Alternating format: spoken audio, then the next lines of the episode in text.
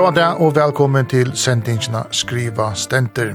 En sending her vi skifta år om pratikateksten som pratika skal iver og i kyrkjene. Verster er vippeien, Kari Salstein og Armkar Arke God Frøyngur.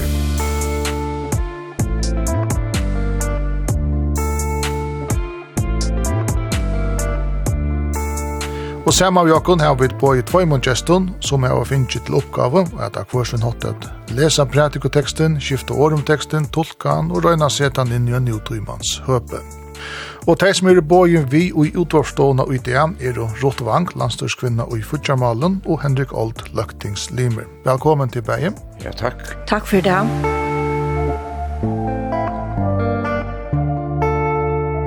Henrik, om vi byrja vi tar først halvstått, hva heldur til om dagsens tekst? Ja, først vil jeg si at jeg halte en sera tro på Jeg er sindra hermer om at det kom i akkurat på henda teksten. Det er månande lettere i sista sondag at løms vi tar med touch matchen vi olje innan lampen er til nu og greva bensinstyra hvor i hjørnet så nu kom man pilt av at hvis det stavir. Hette er verre å få oss vi inn til. Hette er sér at ropult og kjøtt at koma a fløtjast vi vi vi Zacharias och vi vi vi Heidun så att vad du sagt vi det är väldigt schysst att att just om heter ju Forsa van Aren säger det syndrom ta i boa vi från om vad Johannes ska föras då Jesus ska föras då och det är väl sen lättare men men Låt vara. Jag kan också säga det kan du om dagens text. Ja, är är samt vi Henrik att jag hade inte en latte texter men tror bättre finke vi ta vita och goar tui så det är ju ju möjligt att för att huxa och gro runda senter om etter det, og kanskje eisen senter rundt om til hendingene rundt om, som er jo nok så sentraler og i de klassiske bibelsøvne, om man kan se så leis. Yes. Og i det er så tre sånne dæver i advent. Teksten er ur Lukas evangelinon, kapittel 8, ørntene tjei og trus til fors. Musikk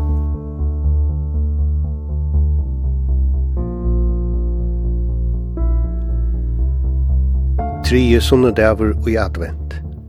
Onnur tekstarø, Lukas evangelie, fyrsta kapittel, ørendene tjejutrus til furs. Lovsongur Sakariasar.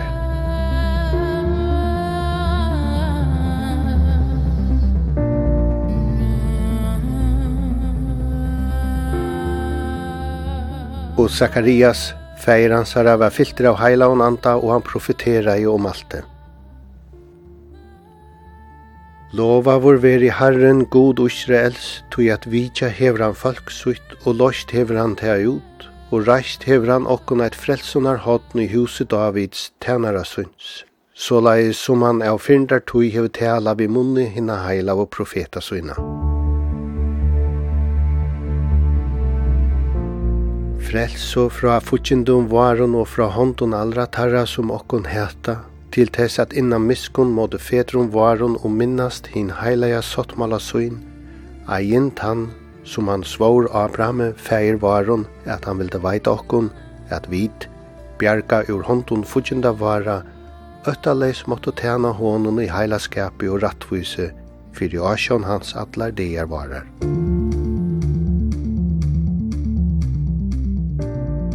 og tu vi, lutla badne, skalt vera nevndur profeter hins haksta, tu ja tu skalt genga undan fyrir asjon herrans a byggva ut veger hans, a djeva fölkje hans kunnleika om frelso og i fyrirgjeving sindatarra, fyrir Guds vors mild og miskunnar sætjer, som solaris av høvun himni hever vi jokum vi a luisa fyrir taimun, som sido i myrkri og skugga deians, er at beina fotun varun inn av friarlai.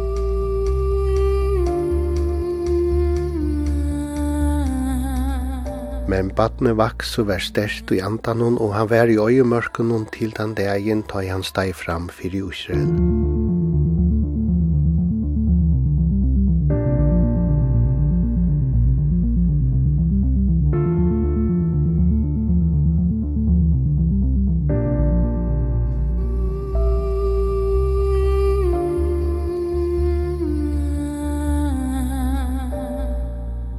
Vi har hørt prædikoteksten til Sunno Dagen. Ja, amgar, hva er det som hender her? Det er en lovsanker til Zacharias, og Zacharias var en prester i tempelen, og han har en kone som heter Elisabeth, og det er at jeg ikke bøtt. Vi tar eisne om æra kvinner og i skriftene til oms Hanne og Sare som helt ikke mye bøtt, men i etlene fink der på godomlige mata er bad. Og det var helt ikke bøtt fink jeg ser, og så er det at um, Zacharias fra Vichan er en noen enkle som sier til at Elisabeth skal være ved bad. Det er ikke en hvor angel, det er Gabriel. Det er Gabriel selv. Som også boer i Mario, ma? At Jesus skulle fødes. Ja, nemlig, okay, ja. Og Mario og Elisabeth her er sistnabød. Og der boer? Ja. Ja. Og han kommer liksom til Zacharias, pappa. Ja. ja. Og men han, og det er symbol, så han er inne i tempelen hos, på gammaltestamentlig visa. Men uh, han tror du ikke Och att for att han ikke tror egentlig så blir han stummer. Og, men hon ber som vi bad, og hon fører en son, og ta og i så tar baden skal omkjøres åtta del at han har føying hver nian i tempelet, så eh, ser jeg som er tempelet, og så fyllt skal han eita Zacharias et pappan, men teg sier Elisabeth skal han ikke. Og han skriver så an at halve navn hans skal være Johannes, og ta løsner tungoband, og han kan ta seg atter, og så han ble jo stummer til en 20 egentlig. Og så er det Johannes Døybaren, som vi så sett nu for å høre mer om, som er, er baden som er født som hei ettans att göra och ta att han skulle beina vägen för att Jesus skulle komma. Det alltså Johannes skulle fortälja att nu för han har komma så dit att han bor ett Messias och är är bara att att han anbo så nu ska fortälja det. Och han säger jag ska växa jag ska minka till han är bara att anbo till att greja fra häst ner. Och när blir Johannes fötter mot Jesus? Ta och ta hittes ta var Elisabeth satta manna och Maria var Jesus och det tror jag man har mött där. Mm. Ja, det er Jesus og Johannes ved trymninger. Ja. Rott Vanke, hva er hoksa du utad og lest den her teksten her? Ja, altså hette er jo, hette er jo første år Zacharias her, at han, at han over malleser og Ja, helst alla vi gong tøyna tja Elisabeth, så gos gjør henne nutjo manager, og akkurst uh, tøyer på at han hever være, David eisne, tøyta djeva tegn til han, så at han hever være rattliga isolera vår, Og så er jo hetta første årene han sier, som er ein lovsanger til, til god. Og som Lotvist tenker atter etter, og Lotvist er ein, ein profetering om sonen Johannes, som jo ikke er hver som helst. Det som jeg kan voksa syndrom til er dette her, kvui, kvui veri Sakarias uh, malleiser, kvui, kvui veri han refsauer fyrir det, Og det som jeg halder er avhåverst er at dette som vi kan skal halda er et nutogjer dilemma og imot til trygg. Eisne var galdande for 2000 år så gjerne, at Zacharias da han var bøyne om at de skulle ha et baden så motmelder han så høver han hoa fortelja Gabriel at vi er jo for gommel og vi er røshaver for ikke trygg va. Så han fyrir helte seg til det som han kan förhålla sig till vid sin kile, och det som visenden väl eisne ta av dövon visste jag sier att det var inte vanligt att man fick batten da man var gammel. Så han var bojna ved en ivande? Og... Han var ivande. Maria var eisne ivande da hon fikk bøyne om at hon skulle bæra sånn. Da hon visste eisne, ja, men jeg var ikke sammen med noen mann. Hvordan skal jeg få et barn? Så til at jeg fyrir halta seg til det rasjonella og omkring vegna... Sunnånskepsis? en sånn skepsis at her er noe som ta nu til kristne eisne strujust vi hetta vi at trykva og at trykva nøkron som ligger utanfyr til rasjonella til som man kyler hva hva mest til at trykva Jeg vet ikke om jeg får sagt at det er noe greit. Og jeg hadde eisen til Ahoverst at Maria, som eisen hever den her Ivan, hun vil ikke refsa. Men Zacharias er jo prester. Han onkur segna omboar fólki eller er mitlenlige mitlen god og, og fólki.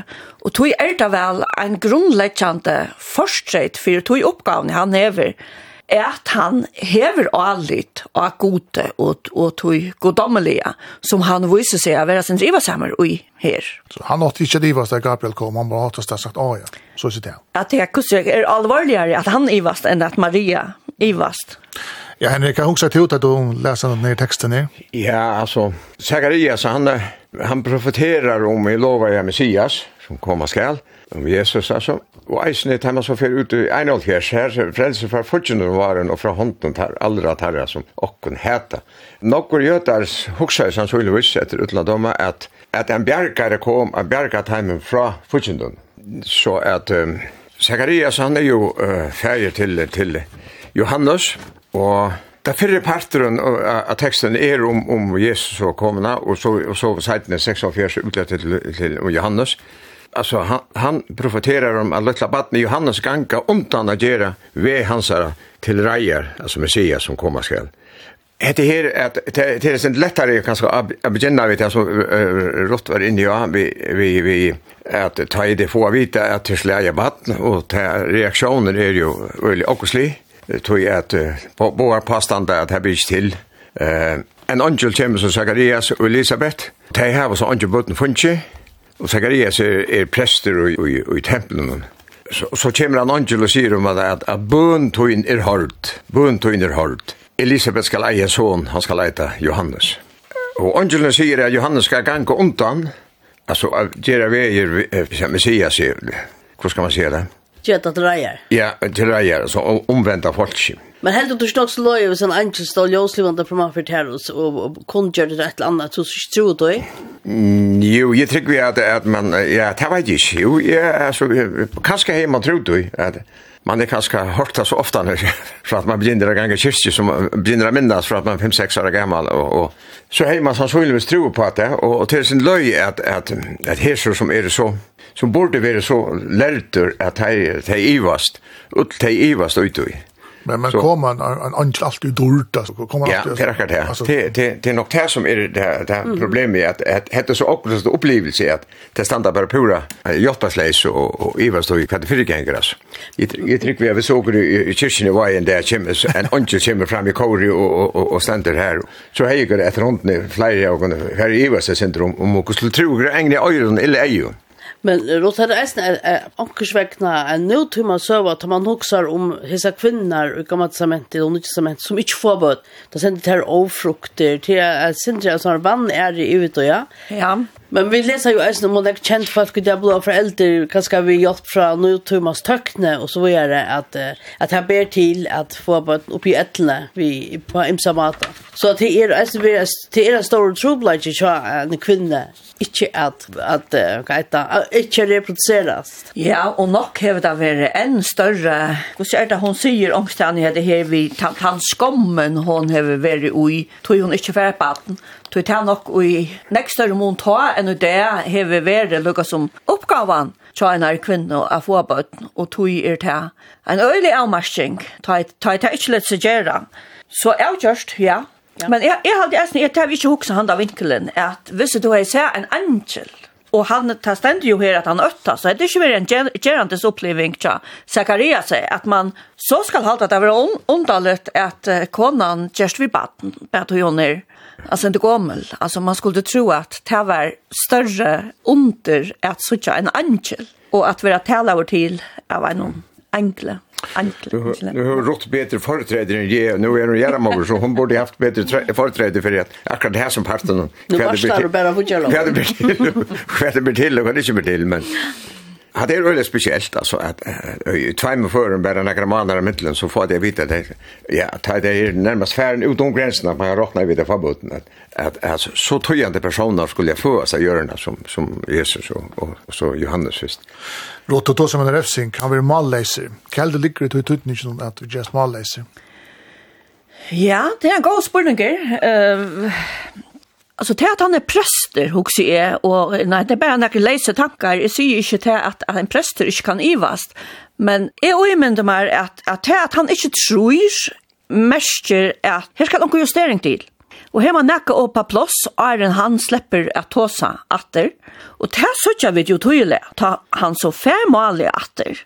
Er fra å være vognleiser, om at uh, ikke, ikke trykve på at det her badne, at han er fotler av lovprysan til, til god for, for bare det som ferdig er, og det som han ser fyrir seg, fyrir framman.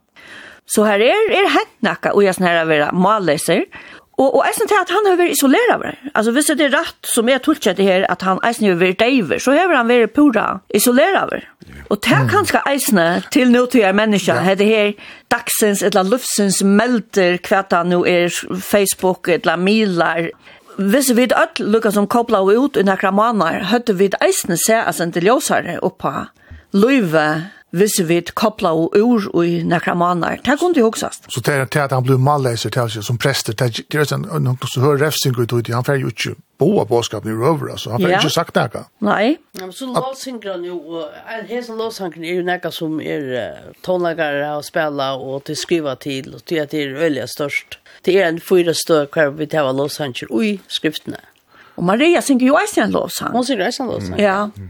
Men det kallt hon ligger oss vi vi vid att han blir malläser. Ja, det är öle speciellt att här alltså jag också nog snack om det alltså vad det hevet här vi vi vi trick vad ger att tur avverkar av en lördag som som de måste malde och och så kommer malde åter där då fungerar en av plötsligt fungerar skriva att halva namn han ska vara Johannes så så det verkar öle löj att att Og, og eisen til at um, Maria, hun fer jo til uh, Elisabeth og, og Zagaria, at hun at det møtast. Og hvor hun fer til at det var ikke noe, ta hei den unga barseskipen, så det kan da være årsrunde til at, at hun har vært ut i stå at hun har nøyta for noen resten. Men så jeg tror ikke mannene, så eier Elisabeth Johannes. Og så tar jeg for å sette, eller omkjeres, åtta der at han da, så er det at jeg kommer til disse stuen, at at jeg skal kalle han opp etter pappas under Zagarias, men, men Ta sier Elisabeth nei at han skal, er det Johannes, og ta er han for å skrive talvene, altså, det er veldig spesielt å henne males, og så får han male etter at han har til.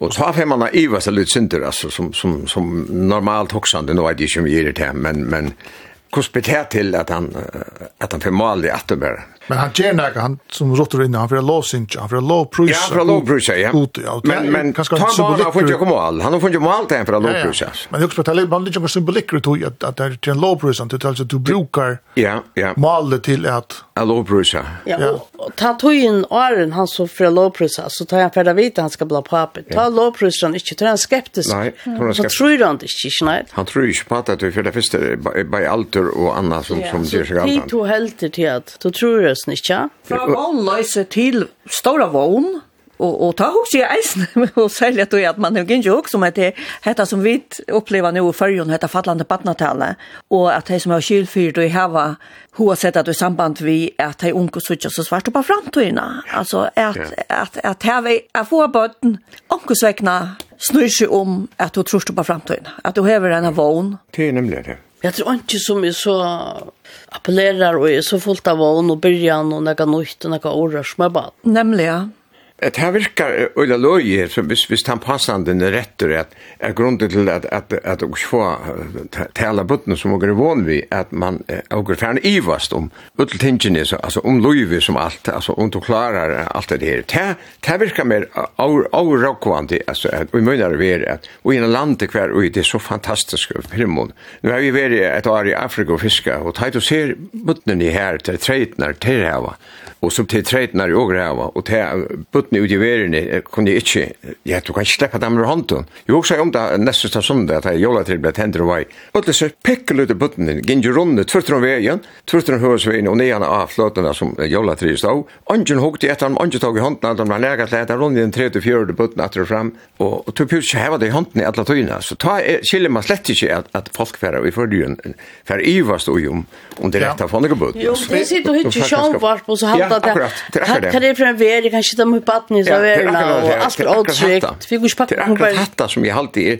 og går hitja så nok etter hvordan stuvan er atlasen rundt i världen, er at man begynner å sette seg ut av samme stuvna, som det jo i. at kom og går ut av samme stuvna.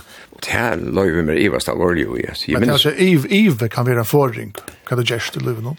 Ja, og jeg husker eisen alt yeah. som du lette det avvarska av, og her uh, sier man jo at nå, nå arbeider jeg titt jo i Mila heimen nå, at uh, Mila er så leis uh, innrattet i Ankos vekna at uh, man fokuserer øyelig nekv og på at her som ikke er gjeldet. Onkur sagna er, er att lattare at vetja har tja fölkje fyra nøkron som er neilet helter enn nøkron som er jalet. Det er ein, ein serfrung, eller ein maur som heter Hans Rosling, som har skriva onkra bøker om hettar hvordan er ometalige gott vi det her var da, og i mån til kanskje noen atterlige atter, og hvordan dere vågner for fremtiden, hvordan øyne jeg bjerster tar er i det, og i mån til underferd atterlige, og, og det er kanskje ikke det vi tok om til daglig. Tvers og måter halta vi at vi tar årsøkjøtler av det, ser av storen om, om nekvting. Mm. Og sjåvande er da, også ikke til å være storen, men til eisene øyla nekv vi kunne feknas om og gledes om. Så hvis en angel kom fram og fyrir ankrarna, ankrar ungar kvinner i det, eller ankrar ungar pappa, sier hei, du vil være pappa nu, Så jag blir inlagt. Så jag kan sagt, ah, kan det passa? Ja. Men Henrik, helt och tätt att två års unker att det var mera så som man lute, ska inte man var ovitant, men man lute mera oj, tog liv när man var sett och ja, akkurat det bästa sjur. Man liv, man lute oj, tog alltså ta jag kom ut av trapporna och morgonen så bestämmer man sig till vad gör det. Du er ikke bunden, at det er aller ringaste som jeg alltid til det man, man bestemmer seg til buddskolen færre forskole. Jeg har alltid hilt at det er skaftet for skolen. Åndsmennere, jeg har nok skyldfolk i England, det er for fem år gammel, jeg har haft øyne noen diskusjoner i det om at det er skaftet for skolen, det er fem, seks år og forskole og alt det forskjellige. Du vil programmere av till några som kanske inte är er akkurat här som som alltså vi jeg skulle færre i skolan jeg var 5 6 år alltså det gäller väl för så er det vært uppe att det nog var för väl alltså vis vis man har gått långt jeg var så himmelens glädje där först var alla färdig slappa sted vekk från fra sånne bonna og, og i grunnland så fantastiskt. for deg Henrik men nu lever das som en gammel fossil. Ja ja, ja ja ja, men men Facebook, låt se Facebook, la oss ta en en något nytt. Jag är på Facebook och jag släpper undan utlännes ned för eh cheli tinken som folk leser som snackar om som du kan inte luta i utland ta det på Facebook så vill du till live toy men så så släpper du undan eh, några av såna jamrarna som som flyr för en är ofärdliga orealistiska ja och det och det du kanske Henrik bror att du att det här är alltså orealism och i sociala medier och sådär press alltså lockan öll att vi skulle leva på andra matan att linjer så lockt att linjer färdas queer är här ja men ja. Men vi får öll lägga och kon näck fast säga att det får nästan så designare på när man har alltså på att ha kommer inrätta vid doslit och det ska vara så lies och det skulle gå så så illa att den och så är man styr det så vattnet uppfyller allt det krön som jag vill ha. Kan man ju en måte se att att Johannes Stöpan är som blue nästan en sort designare på. Han har fått det bara vi till han ska vara en boare. Ja, det er avhåverst. Det er ikke hva, hva som helst baden, og det vet er jo, Arjen han kommer i verna, og hinveien, så stender eisen i at baden er nå og var størst i andan, og han var i øyemørsken inntil han, han dagen han steg fram for Øysre. Altså, nå vet jeg ikke om han langer som baden er ferdig ut i øyemørskene, eller hva sier hever han, lever han, står han parst av sin unga løyve nok eisne lotvost i isolation. Ja, man, man sier han er bare en grønner, til at han er ute bare av Vittelhålandje og, og Bion og Jack og Kamel og sklaven. Ja, ja. Han, er, han, han har vært ørvus, nok eisne ta at øvun og imon til sina samtøy. Ja, og han har haft en helt særlig oppgave, og det vil han vite, sjolver. Og jeg er ikke tann, tann som kommer skal, men jeg er tann som skal, skal uh, bo han. Han kan gjøre det ikke... Kan undan. Ja, kan undan. Gjøre veier hans her til reier. Og det er jo en stor oppgave i så måte kan man säga at eh, Johannes Støyparen har vita, eller har kjent av sig disse her förvattningarna till sånn, som vi kan ska halta att nu tygar battna löjra synder under vi att man ska leva opp til alt mulig. Johannes Støyparen har väl haft något att leva upp till. må kan halte måste halta gång till den texten lyckas att tälsa att lyckas ta Sakarias visst alltså kan man säga att att han till en, en at att er god djevet som han vil lova alltså. Atlant John och sjätte verk. Frälsens Atlant sjätte verk. Ja. Kvar lever ut tror vi vi att offra och så har nu til slutt, tror vi si se att det som Johannes kommer bo i tableta ända li offra av Golgata så mennesken skall inte åter offra. Nu er det bara du lever i nøyene nu. Johannes betyr att det gode nöjer navnet betyr Så den gamla tryggven, at den gamla mm. gamla testamentliga fyrkraft. Offertojen i väck. Nu er den nya tojen til at Jesus offra seg, og til den ultimative offre. Ja. Det vill god han hällde det han er lovat. Det har vi sett i versk nu. Och så ska Johannes kräver bort mot han skal gjøre? Han er feras rundt om han kommer ut ur øyemersen rundt, og, og folk vet at han er ut i øyemersen, for ut av lort som stendt eisene. Han sier ikke for å komme en som kommer vidt til Sanna Ljåsen, og er bare en avvarst av tog, og han er nek større og måttmiklerne, han er Messias. Og, og ta i så Jesus for døpte av Johannes, så hver er Johannes? Og hva er Johannes at det er trumne grunn? Ja, han sier, kjem to her og døpte med, er ikke rett her, det var øvått da. Ja, og det er det ultimate, det er Johannes Johannes døyper Jesus. Ja, til så börjar Jesus sa, stått av foldarløy, va? Og tar vi alt sette versk. Ja, frelsesatlan. Og her sier han jo at jeg er over tjej av fjers. Altså her til at læra folk hans er frels og at kjenne og i fyregjøving synda, tarra. Det er vi kan gå undan og gjøre vi hans er at reier. Hvis man fyrir gamla testamentet så ser man at det er 400 malakia profetera långt ta om att han ska komma skall som Messias alltså så hette det något som kommer kom ju på vad några det är. Men jag kände skrifterna, jag visste vad det var. Ja, akkurat. Som som var Lise. Men Johannes är angående Ivan att han angående säger att är. Nej. Nej, nej, nej. Det är inte. Kallt med uppgåvan att Johannes så kontutning kräver den här uppgåvan. Hmm. Ja, det är en god spårning alltså Hur ser det, han, han sier at er det att lösa løse skåreimene honom hånden og komme skal, Det er altså i tvankinar. Tvankinar, ja, orsaka. Jeg, jeg sitter, nei, nei, det stod på der boer. Viktor sa omsetting. Ja. Ja, vet ikke hva man skal si. Jeg også bare med att han må ha... han ja, han må ha greier i sin store whitelot. Ja, tar man här sett värska om og så kan sende Gabriel til å sette en sånn sån her, så må det ha tutt på kramat. Ja. Kan du henne? Ja, ja, jo, jo, det är rätt. Alltså, Angelen kommer till Zacharias så säger vi han, äh, vad ska hända? Att bönen är hållt. Efter bönen är hållt, som han har bio några böner. Och bio med vatten. Jo, med vatten, ja. Det är väl i Nivium. Och bönen är hållt och, och det ska gå ut här som att Messias ska komma. Alltså bottengrund det är öde deilig söva. Ja ja ja ja ja. Han ber bara att han färra på allt. Och att det här och har värst han har ända be om att vattne. Och så tror han då inte ta han vill bön hörter. Ja, det är inte en gravitetspinne men det är en angel som kommer att säger det. Ja.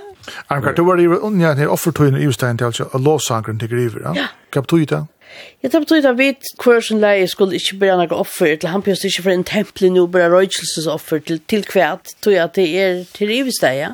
Men noe annet er så at vi lever i en tog av alle kjenner noen som offer. Det skulle være en tekst som vi alle eisen kunne sette noen nå, ja. Vi gjør noen til offer. Vi gjør noen til offer, vi det krenka ja, og, og så videre, ja. Mm. Han verslige smale veveren er blevet en ja. Det är en tropel text så. Eh du du finns ju ordentligt näka ordentligt hungrypel och i alltså till flera är texter det över månaden lättare. Vi vi syns skulle vara präster så är ju valt ända. Men men prästarna släpper ju inte någon kommande söndag så så tävlar nöjt det. Att flöja sig som friast.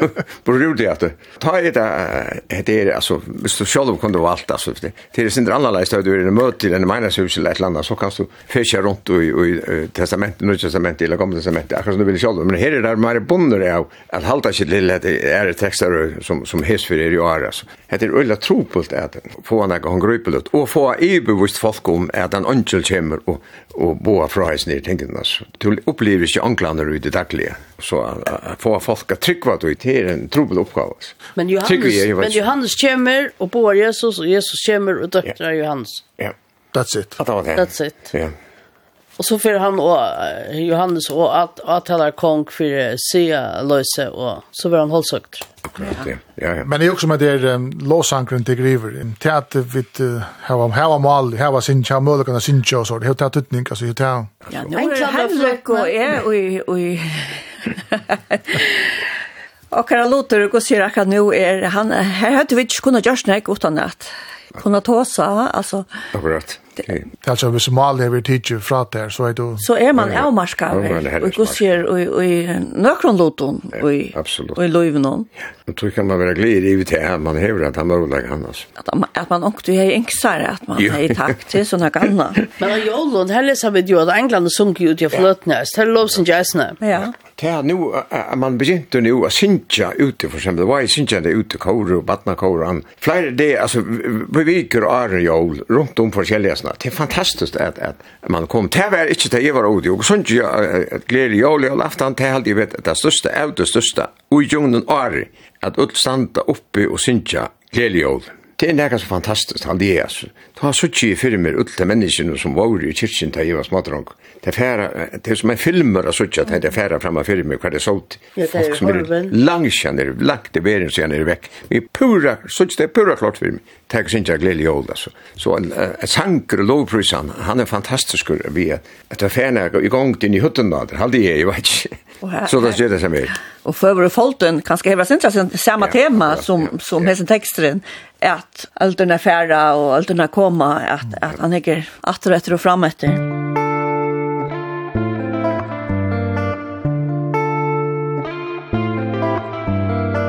Du lortar etter sendingene skriva stenter, hervid omrøva pratikoteksten til sunnedagen. Han er ur evangelien og etter Lukas og er om lovsang Zakariasar. Gjester er Rotvank og Henrik Old. Men ett annat som fick mig att huxa, medan man hur vita att man skulle ta som en den här texten, det var ett, ett uttalelse till hans kampan om att religion främmer önskap.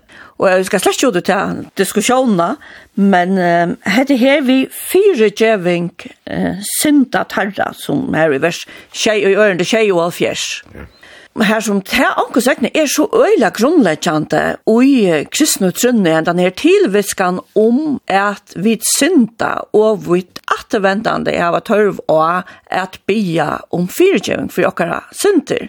Så i teksten her, her, her tåsar han eisne om hesser her at fudgjindane vi vera frelst fra fudgjindon som heter okkon. Og så sattne kommer han inn og, ja, men ja, vi må eisne hava fyrtjeving fra okkara ekne, sinton.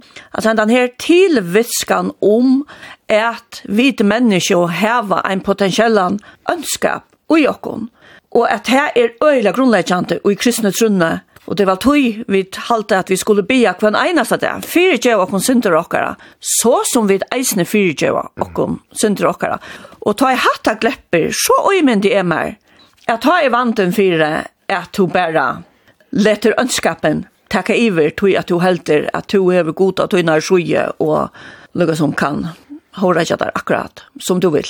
Ja, alltså vi så lute efter kristendomen och sunnen och tuchubovon och nasra kärleka och fyrtjöva som tog fyrtjöva under. Så var det ju paradis jag gör. Ja, ja, ja, tjommat. Det vi fyrtjöving det är också det ju man om man är rätt ut av som att man kan häva sin devanskele vid att man, självt om man bestämmer sig till dem så ska man fyrtjöva häsen eller glömma hatt eller att så är det inte alltid att det är så nämnt att leva upp till alltså. Det är aldrig alltså Og eisen til 1904, jeg lyser for dem som sitter i myrkri og skukka deians, at beina foton var inna uh, friarlai. Hette er en, en, en tropel oppgave, tja, og som liv i det, at... at, at Ta som fri? Ja, og, og til at, at, at, at suttja det positiva ui, ui liven, altså, det kan jo si at suttja til at kanska uh, ung folk ivar så underslå forbuden, altså. Ja, det det nærka så omedelig og nok lettare at, ikke lettare, ja, altså, nemmare at få få et baden i det.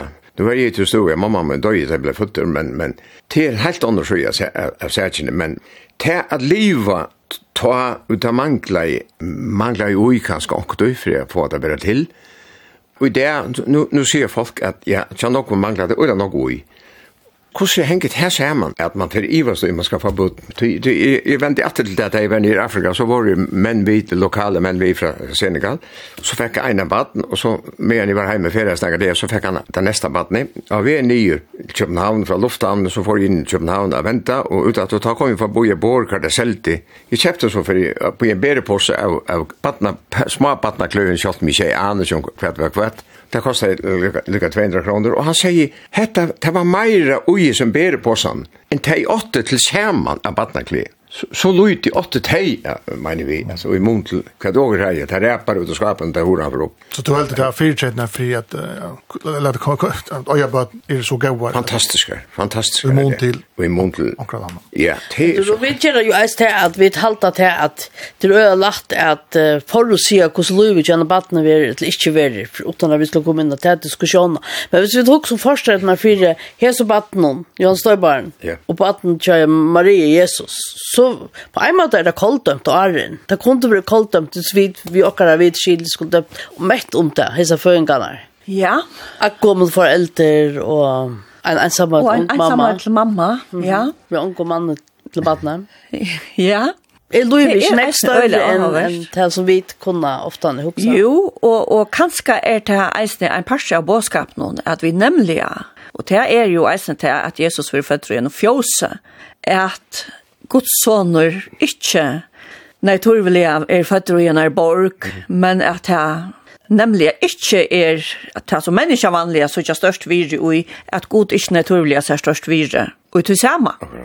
Uh, Goddommelig virer og menneskelig virer hvordan imisk de er. Og det er alltid at uh, er eisende er nok så grunnleggende i kristna bådskapen. Mm -hmm. right. En den her båden, eller det som, som under oppgaven som Johannes fer, at jeg var følt ja, kunnlag om frelse i fyrtjeng, sindentorra, um, gods milde miskunna sætjyrest, og Louisa Tøymen som svita i miskru, det er en skugga, beina fjótvaren, og friarløy, alt det der.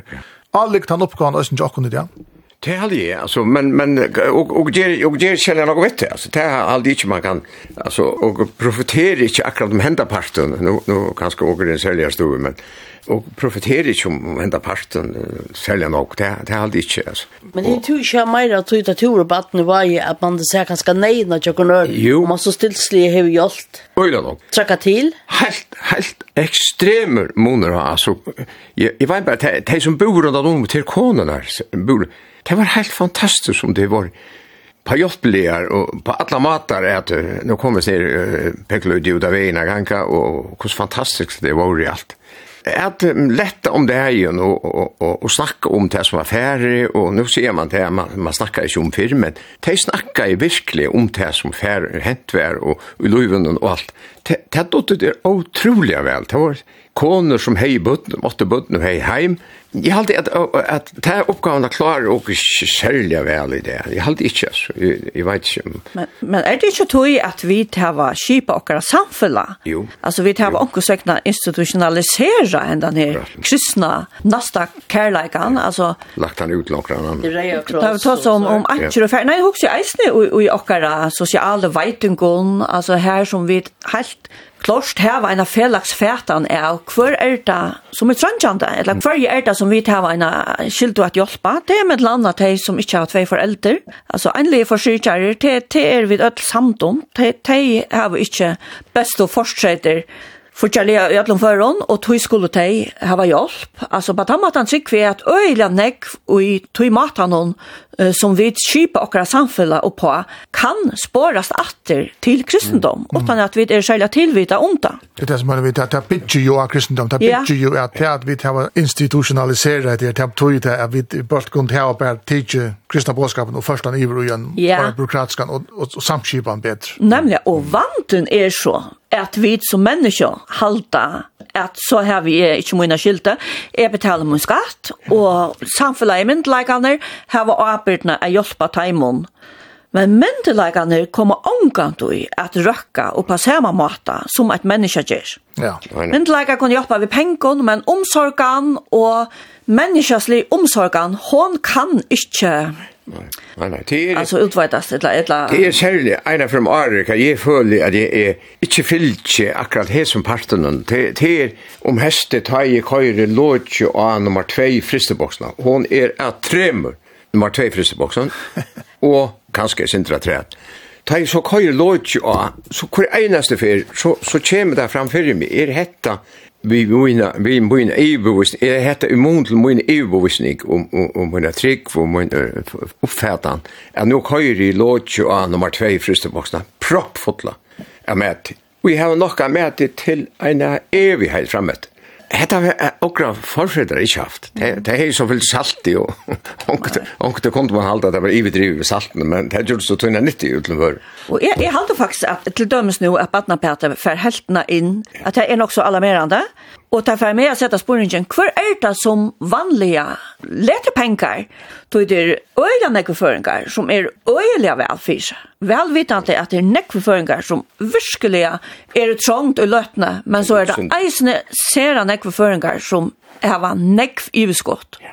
Og hvor sast det ikke atter og i innsamlingene tja?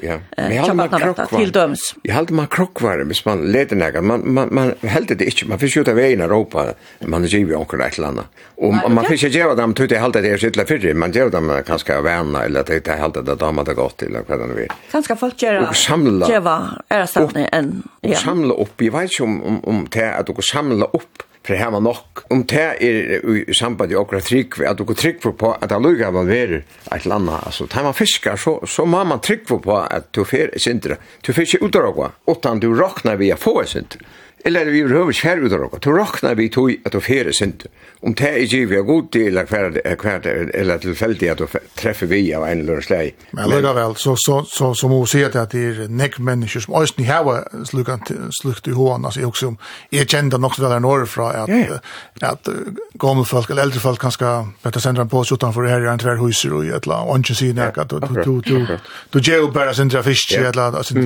grind eller spik eller whatever alltså til kip for i sånne, det så det etter ikke. Da jeg begynte å i skolen, så var det en, en seks-tjei som herren dem som hemmest papan, Øyla Tulljani. Og, og. Men de kom ofætelig vel i jungen, daglig din. Helt ofætelig vel, altså.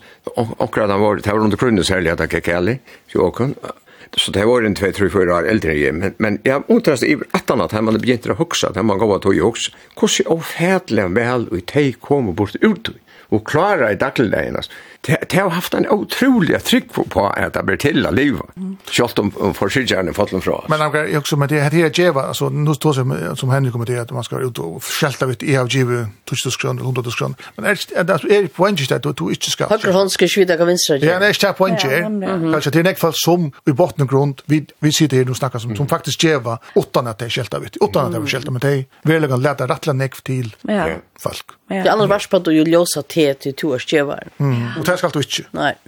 Men uh, nu då vi narskas jolon och vi ser Jesus fødder jolon som Johannes var fyrboaren. Er det torrført nu er for oss som friar høytingen, tar man hokser om hvordan heimeren tjokken ser ut. Etla, her heimeren alltid vært så og frialig. Det er ganske bare milaner som vi i sokken da. Blod av norske kulisser. Alltså nu ska jag ansamma efter mig, men jag menar att hända här, heter tojarskaje och i Europa är en inrasna och i Ukraina är långsta friar tojarskaje och i Europa och i sövn. Och kanske sälja vid som här var liva i sig här tojarna att han var kalda krutche har vi inte varit något vidare om kvosse stor undantagsstöva till hever ver verlagan och bara titta för give och lukka som nu är så läs för det vera. Alltså man tror nästan inte att vi okra ver som tar skuld för så gott liv och att till krutch och i öron kunde göra ni av er ni så det är ofärtligt att att det nejut krutja stadväck och drepa folk i långa bandet. Det sälja helt hemma ser att sjova på något här förstånd man väl att folk blev vanchen där sucha till botten. Är så kom ettla för förra där eller förra där stod en sexera gammal nere i gassa och helt om leria så gret ensam alla unga människor runt om. Det ger ett intryck av folk alltså. Så huxar man alltså är detta verkligen nej till okratoj. Att botten komma komma ettla för det. Lugga mig kom parter det det stay då ju men at man skal være, ikke være komme langer og gratui enn til nøyet at sjåta i lange baner rundt om seg, så vilt og sende raketter og god himmel vid i alt. Det er ofædelt, altså. Da man og tror på at at det er ein som, som kan uh, styra tingene og, og kan hjelpa, så kan man anker giva så og sier hvor vi har ikke gripet inn og sagt, nå kan det være nok vi er, jeg drepa bare fra hånd. Henrik, enda søvan, at det her som stender här om Zakarias og om Johannes, som skal fyre på om han kommer skal. Helt det passer? Ja, helt det. Her Johannes Kinch av Foltona. Ja, altså hvis man huxar er sinter neft om noen nøkker tilfeller, og noen nøkker, utan å være inne på hvor einstaka, så er det lukka som uh, ui tog trygg, han søylevis hever han til. Det är ju sikkert ett äpplik och igen. Det är väl Ja, jo jo jo jo, det det så det men men när man upplever det, man lever det liv, upplever några ting så så så börjar man halta, okej, okay, här må vara också som vi är sin mer än det vanliga folk gånga det vinner alltså, och som är klara sin det mer än än det alltså. Du kan kanskje fortelle så av. I 2012 ta var det noen fotenfrøyngar og grove i en av den gamle kyrkjen og gamle klostre. Og han har luttet i åtts vi Svarstehav. Og ta grau i Uisa kyrkjen her, som var en ruin, ta kom så fram til at under kyrkjen var en eldre kyrkjen. Og den kyrkjen, hon er, vi mett av ved at den eldste kyrkjen i overhøver i Europa, et øyne av den eldste. Og vi altare, her funnet tar en kyrst. og av disse kisten stå, hetta er lautene etter Johannes Døybarnum. Okay. Og i kyrstene var en tann, en kjolka bøyn og en armer. Og ein tann som fekk utle oppgave kan etter, det var Eske Willeslev, han er en dansk professor i Uilevon. Mm. Og han får så, saman vi gjør under granskaren, at kanna i seg her, så lauten her, etter han støypan tar tjo sjånt ikke på at man ser så fyr, man helt ofte til fra mye ølt eller så, tar man så fyrr kanna det. Men søvann stort under han at um, Ta enda kyrkjan var kyrkjan var sett stå, nær er det fyrst kyrkjan fra Arhundra. Mm -hmm. her. Fyrst hjölten her. Fyrst hjölten her. Ta, ta, ta fikk jeg munker til oppgave å fære til Israel, til Samaria i Hebron, mm -hmm. her som var griven. Etter laut noen av Johannes Daibar. Han kom så atter vid noen bøynagrund. Tog litja der og isa her kysten her og isa her okay. svartan. Men det som er avverst, det er at det er fra Kanada. Vi ser fyra kanning og DNA kanning og så viste så viste så viste så viste så viste Eh, vedkommende som la kistene var føtter er null, pluss minst fem år. Og DNA-kanningene her til jeg visste at vedkommende var jøte, aller helst og oppvaksen og bo i Israel, og hever livet et selv vi mæt i sort, at du var inne i armgården. Du nevnte hva var han, han at... Han levde av ja. sånn bittelhånandje, og alt det som han fann her, som var her, Jack og Kamel, Olsklaven, stedet. Det som så hesserer Eske Villeslev er vår samtrum til at Alltså och i princip de kan inte gå passa att det är lötna efter Johannes mm -hmm. döparen. Och Ted Jefferson, men Ted Jordan är bänkna eller rattar. Tui att nu hatt stå så där vid någon tillfälle. Så samstundes finke tar bo om att komma till um, och domkyrkan i Paris och i Notre Dame. Här ligger Tornakronan till Jesus sixt. Och Tornakronan är blå och sådär. Tar finke till att DNA kan heta blåvier. Och ta sig där nöj. Tui at nu sitter man vid tilfæren noen, nu er det ordentlig modernere, men sitter vi ja. mitt i country noen, vid DNA noen, mm -hmm. hvor er tattast i familjene vi Jesus og hans døyparne. Det var genomet til Jesus. Og vil man i røret til. Ja. Kan vi si, er tatt av skilter Jesus enn Henrik? Ja, jo, jo. Det er pure øret Det er pure øret tanke. Ja. Ja, ja. Har det skapt problemer i Heimholm? Jo, ja, absolutt. Jeg halte det, det er bedre å holde på hit, hit som har vært framme London. Trunda. Ja, ja. Hit, hit kan være sinne farlig. Det reiser jo et hev av spurningen hvis jo i. Ja, jeg mener, hvis man skal vise det helt teoret, det er rett rødt mitt kontrine som sværer til Jesus at. Hvor er ikke vi? Hvor er ikke vi her? Och så är ju också nog blanda på från Irland och från norra och alla stan från så. Torskaland. Det är en st större uppgåva för. Och är det sant för om att vi att att det som var i att vi Jesus och Johannes det är inte det som vi väntar.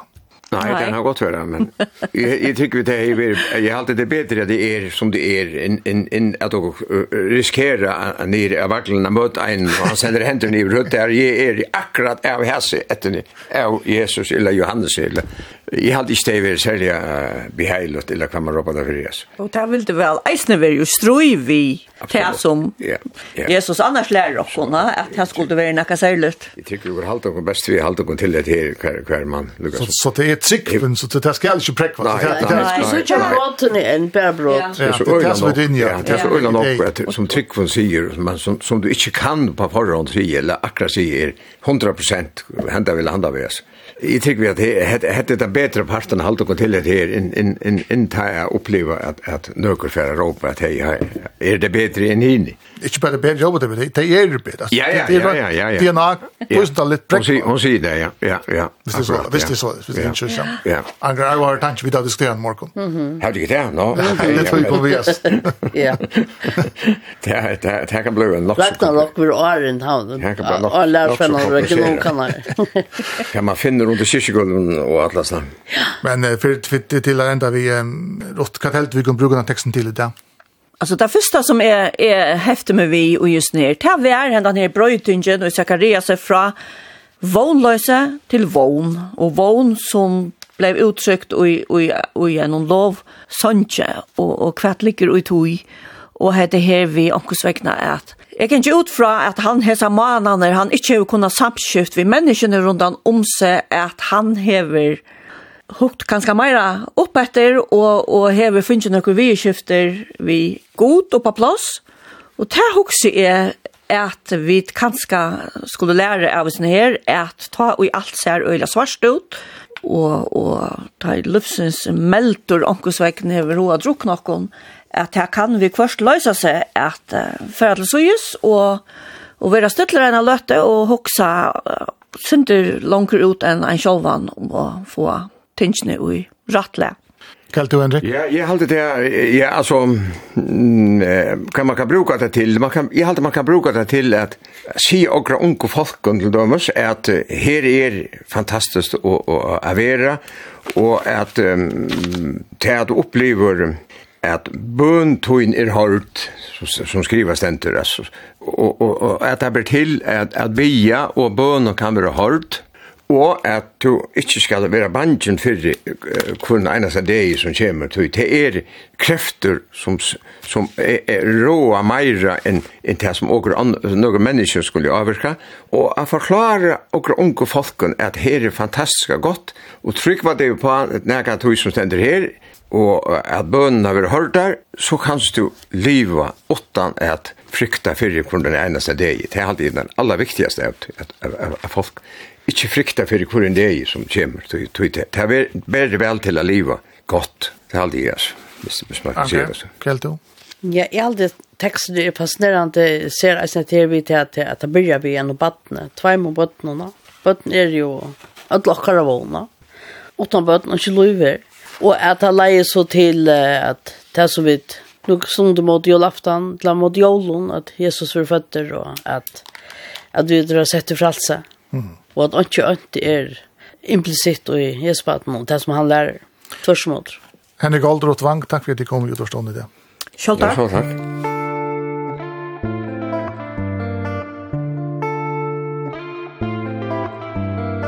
Heita vær sendt i Skriva Stenter, her vi tar ombrøtt pratikoteksten til Sunnedein.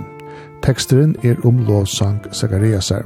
Gjester var Ruth Vank, landstårskvinna og i Futjarmalon, og Henrik Old, løgtingslimer. Værste vore Kari Solstein og Ermkar Arken. Skriva stendur vi atter om øyna vikko. Farvel.